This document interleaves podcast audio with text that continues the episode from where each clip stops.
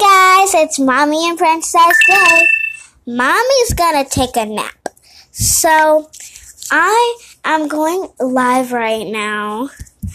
Um and I am at home.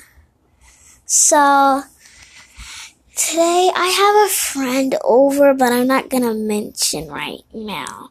So I'm just sitting on my bed with her and we just finished playing with dolls. We were listening to Brooklyn Cleaner to go problems. Um, and then now we're gonna listen to Die Rich by KB on um iHeartRadio, and it's so fun.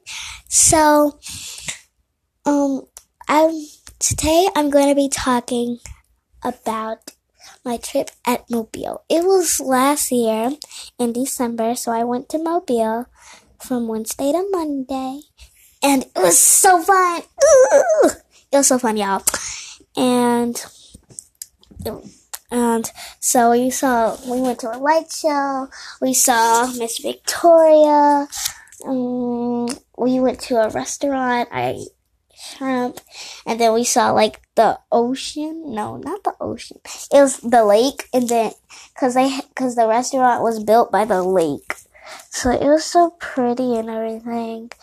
And we saw a light show. I get I got to saw my cousin Red Big Daddy.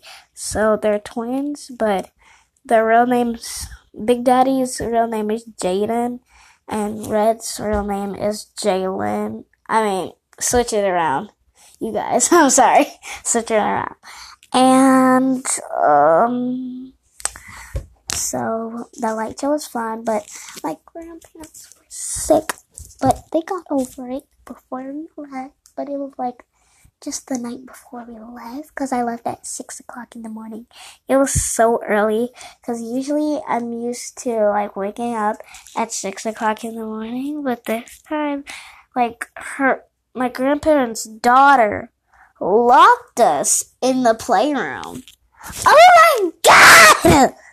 Why would they lock me in the? Why would they lock Jaden and Jalen and Brianna in the playroom? Like, duh. Don't lock me in there.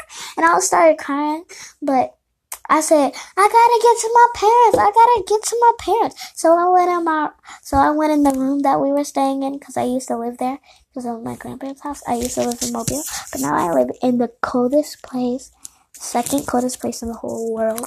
Chicago. Oh my god. Great. So cold in Chicago. Today it was minus two degrees. Oh my god, it's so cold.